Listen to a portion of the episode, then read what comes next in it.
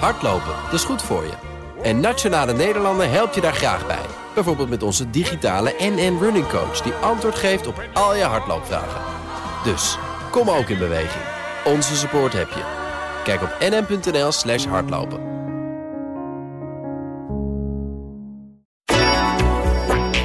Torenhoge prijzen, schaarste en oorlog. Europa staat voor enorme uitdagingen. In aanloop naar de Europese State of the Union op 14 september loods ik, Micha van der Toorn, je in een shortcast van zes afleveringen langs de grootste crisis waarmee Europa op dit moment te maken heeft. En blikken we vooruit op de toespraak van commissievoorzitter Ursula von der Leyen. Welke uitdagingen gaat zij aan? En moeten we dat wel willen, dat Brussel bovenop de bal zit? De komende twee weken het antwoord in zes afleveringen Europa in crisis. Europe is in the grip of its most extreme drought in decades. Vannacht heeft president Poetin de oorlog verklaard aan Oekraïne en is bezig om dat land te bezetten. Betaalde ik daar vorig jaar 3,86 euro voor, nu 4,79 euro.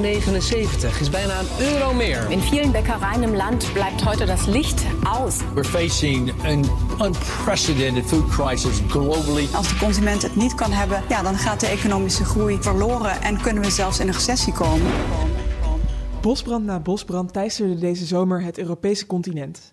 In verschillende landen sneuvelden hitterecords en door de aanhoudende droogte konden binnenvaartschepen zelfs niet over de grote rivieren varen. In november werd de slotverklaring van de klimaattop in Glasgow getekend. Maar is het wel genoeg? Waar maakt Ursula von der Leyen zich het meeste zorgen om en wat mist er in het Europese klimaatbeleid? Dat bespreek ik met Louise van Schaik, klimaatexpert bij Klingendaal. Welkom. Ja, hoi. De hittegolven en de droogte die we deze zomer zagen zijn zeer waarschijnlijk een gevolg van klimaatverandering. Is dit een uitdaging voor de Europese Unie of moeten we het toch echt als crisis bestempelen? Ja, ik vrees dat we het echt moeten zien als crisis. Uh, want je had het al over de bosbranden en de extreme hitte, waardoor ook best veel mensen zijn gestorven, bijvoorbeeld in Spanje. Uh, maar ja, ook directe gevolgen voor de voedselproductie, droogte, uh, maar ook voor de energievoorziening. Dus uh, kerncentrales die nu stil moeten worden gezet omdat er geen koelwater meer is. Waterkracht in de bergen. Hè, als de bergstroom is opgedroogd, dan heb je ook geen uh, energie meer wat je eruit kunt halen. dus het is echt wel een crisis. Steeds meer voor Europa zelf ook. Hè. Laat staan de gevolgen voor de rest van de wereld. Ja, en wat is um, volgens u de grootste uitdaging waar Europa op dit moment voor staat als het gaat om klimaat? Nou ja, de grootste uitdaging is om die omschakeling te maken naar uh, duurzame energie. En om daadwerkelijk ook te zorgen dat de duurzame energie die wordt geproduceerd, zon, water, uh, waterkracht, uh, windenergie, dat het ook daadwerkelijk kan worden opgeslagen in waterstof of in batterijen. Zodat we dat ook kunnen gebruiken in, in de nacht en in de winter als het niet waait en de zon niet schijnt.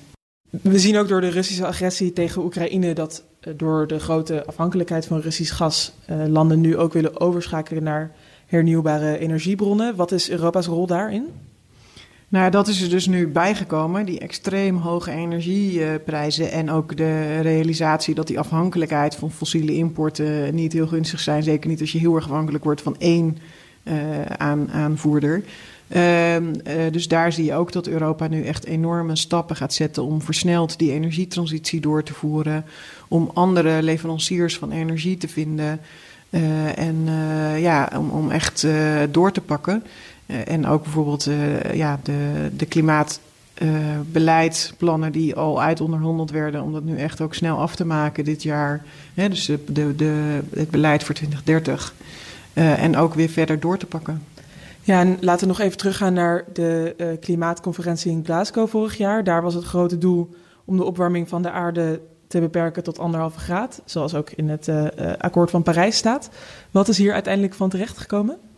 Nou, ik zie de COP zelf eigenlijk altijd als een soort PR-event voor het klimaat. Dus er is ontzettend veel aandacht voor klimaatverandering. Je ziet dat landen weer net iets meer gaan nadenken. Kunnen we nog een klein stapje meer zetten? Maar dat is het vaak. Hè? Het is kleine stapjes vooruit.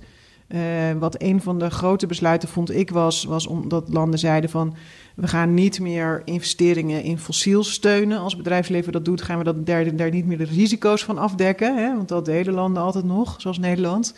En je ziet nu ook in Europa is aangekondigd in de Europese uh, externe energiestrategie om zelfs wel de risico's te gaan afdekken, nadrukkelijker, als, als bedrijven groene investeringen in derde landen willen gaan doen. Dus dat is wel heel positief uh, nieuws.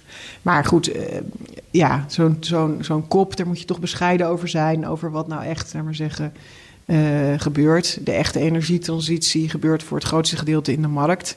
En overheden moeten dat aanjagen en die kops helpen daarbij. Ja, want toch blijven veel landen op zoek naar nieuwe gas- en olietoevoer. En ook Nederland zet de gasboringen in de Noordzee gewoon voort. Hoeveel zin heeft zo'n top dan als we toch op oude voet doorgaan? Nou, het gaat echt over een proces hè, om, om, laat maar zeggen, je afhankelijkheid voor, van fossiel voor je energievoorziening uh, langzamerhand terug te brengen en te veranderen naar een, uh, andere, andere energiebronnen. Uh, want ja, mensen willen wel elektriciteit uit het stopcontact houden. Uh, de industrie heeft heel veel energie nodig. Dat is toch je, ja, je ruggengraat van je economie.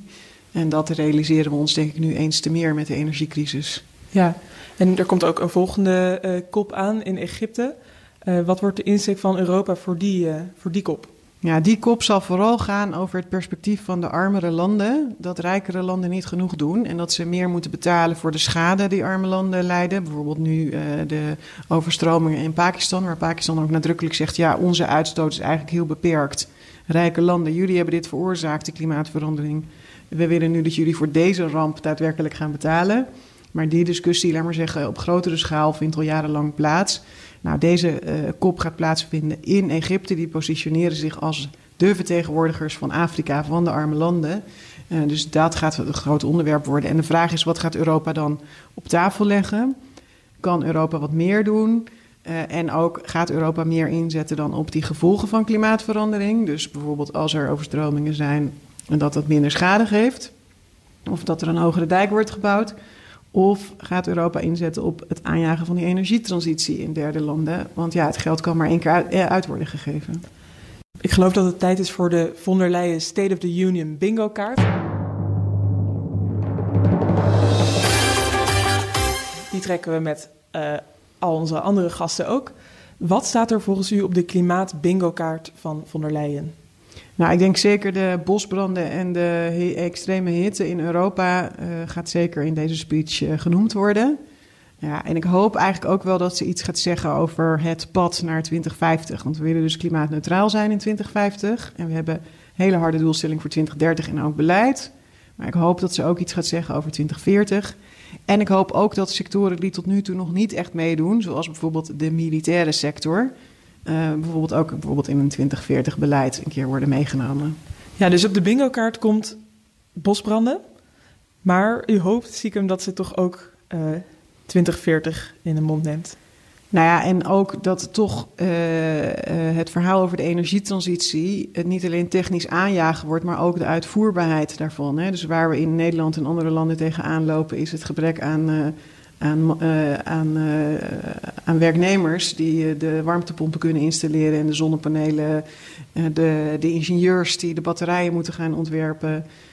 ja, wat we hebben gedaan met COVID, het ontwikkelen van de vaccins, zoiets hebben we nu ook nodig voor de energietransitie. En het gebeurt ten dele al, maar er moet misschien nog meer gas op. Dat is dan weer niet de goede uitdrukking in dit, in dit geval.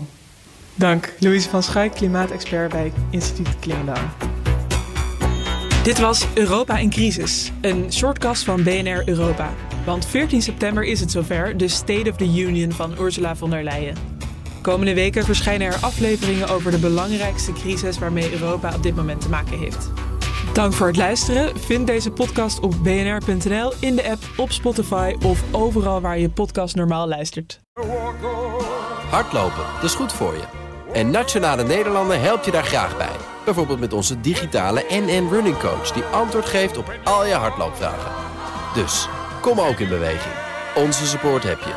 Kijk op nn.nl slash hardlopen.